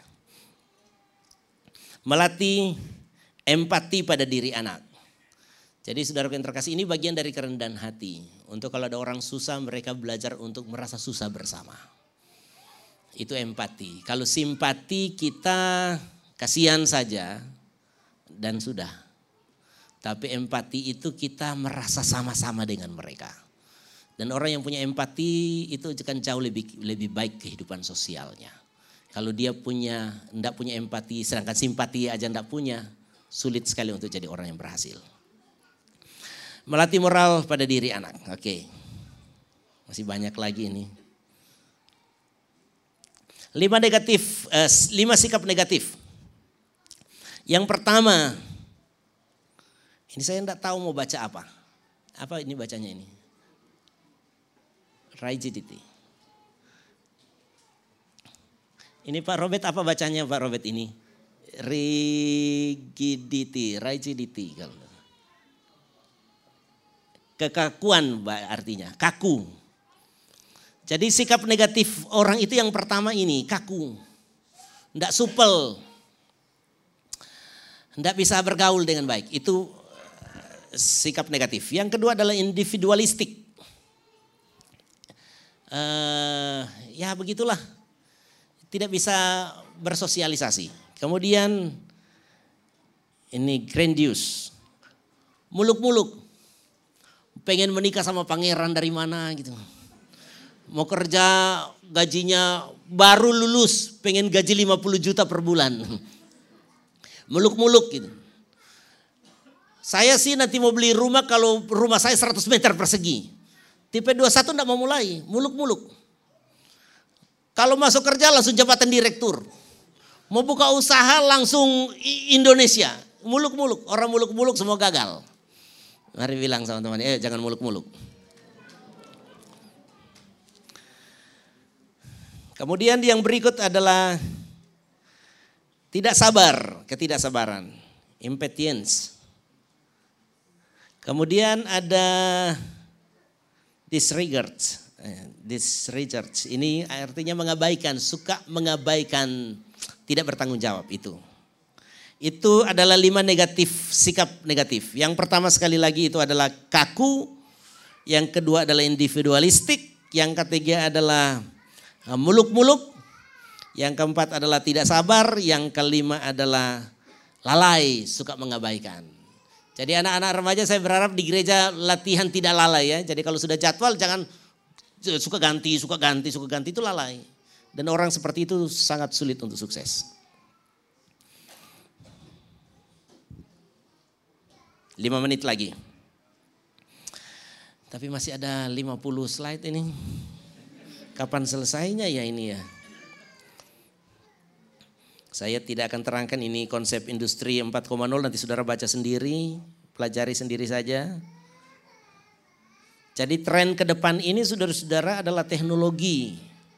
Jadi kita akan bekerja antara komunikasi dan teknologi tinggi digital. Itu eh, ke depan yang jadi tantangan bagi kita.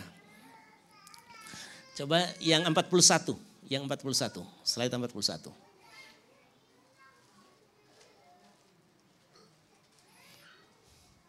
Ini ada 90 90 lembar ini. Saya sudah buang banyak, masih banyak juga ternyata. Tidak kebaca ya. Ya, enggak usah. Saudara-saudara nanti baca sendiri. Saudara nanti buka internet kemudian baca karena ini data di internet ada semua. Saya akan terangkan hal yang penting aja.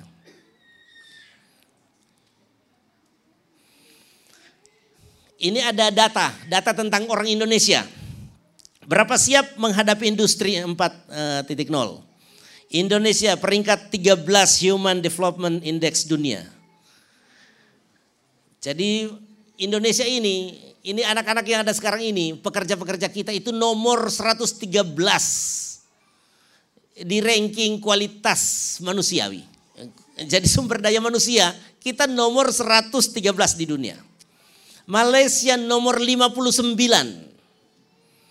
Singapura nomor 5. Sampai itu yang saya bilang tadi malu kita. Satu kota mengalahkan kita di Sabang sampai Merauke. Jadi saya berharap ini orang-orang tua mesti tahu bahwa nanti kalau persaingan global anak-anak kita siap untuk tergilas. Kalau kita tidak perjuangkan anak-anak kita untuk memiliki kualitas yang lebih baik dari hari ini, maka mereka akan tergilas nanti di masa akan datang.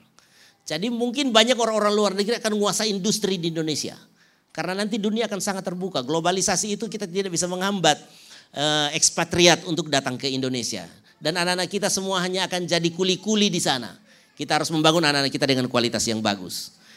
Jadi di, di, di Asia Tenggara kita kalah sama Thailand. Thailand itu peringkat 87, Malaysia 59, Indonesia 113, Singapura nomor 5. Aduh memang luar biasa Indonesia ini ya. Kita mesti berjuang saudara ya. Jadi anak-anak sekarang di era digital.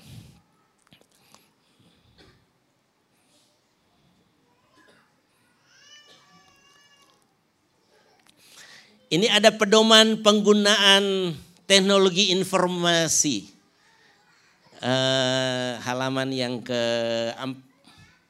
47 guys. Ya, saudara perhatikan ini bapak-bapak ibu-ibu yang punya anak-anak kecil. 18 sampai 24 bulan hanya program berkualitas tinggi dan tontonan bersama anak-anak. Jadi anak-anak yang kecil jangan dikasih HP sembarang. Jangan ya. Kemudian anak 18 sampai 24 bulan hanya program berkualitas tinggi dan tonton bersama anak-anak. Ini eh, sorry yang di bawah 18 bulan hindari semua media layar kecuali obrolan video. Jadi video aja yang boleh ditonton. Tapi itu mesti dipilih. Hanya pro, yang kedua 18 sampai 24 hanya program berkualitas tinggi dan tonton bersama anak-anak. 2 sampai 5 tahun batasi waktu layar hanya satu jam per hari untuk program berkualitas tinggi. Jadi ini anak-anak kecil-kecil ini Andri ya, kau punya anak masih di kelompok ini ya. Itu mesti Anak-anak itu cukup satu hari, satu jam loh ini.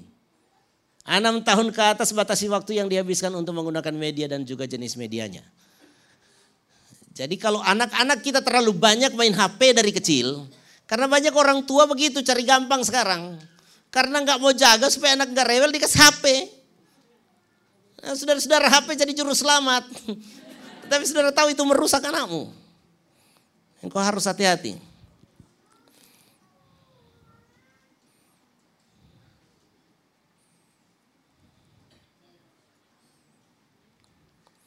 Eh, halaman 59.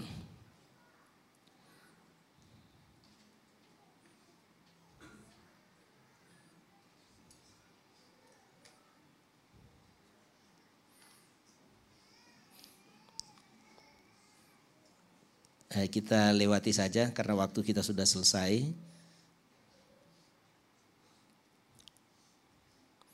Ini mungkin nanti kita akan bikin kelas tersendiri tentang yang saya lewati ini ada banyak sekali.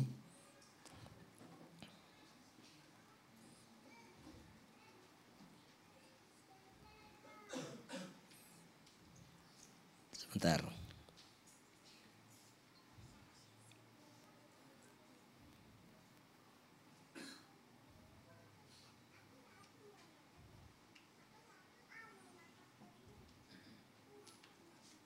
Nah ini, halaman 71. Ini ada banyak, ada banyak sekali sebenarnya yang bagus-bagus ini, tetapi saya sudah tidak ada waktu. Saya lihat sudah banyak yang ngantuk, nanti kalau saya ngomong-ngomong juga nggak ngerti.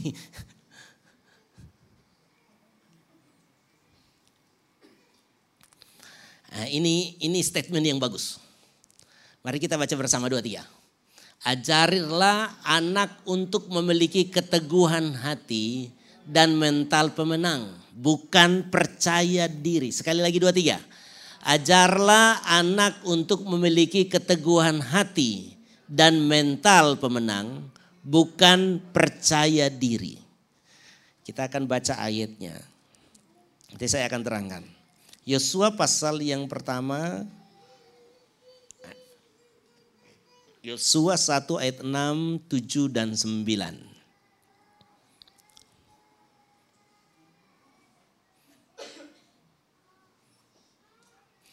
Saya sungguh berharap begini ya, dari apa yang kita pelajari malam hari ini sudah dapat gambaran besar tentang masa depan kita.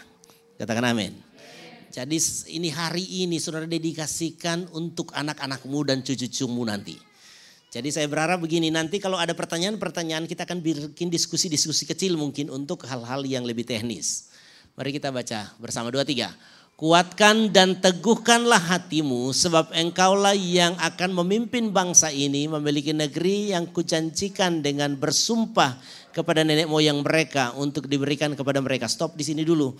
Di ayat ini saudara-saudara saya sungguh percaya bahwa ayat ini juga adalah untuk anak-anak kita. Katakan amin yaitu mereka akan menjadi generasi pemimpin di hari-hari akan datang.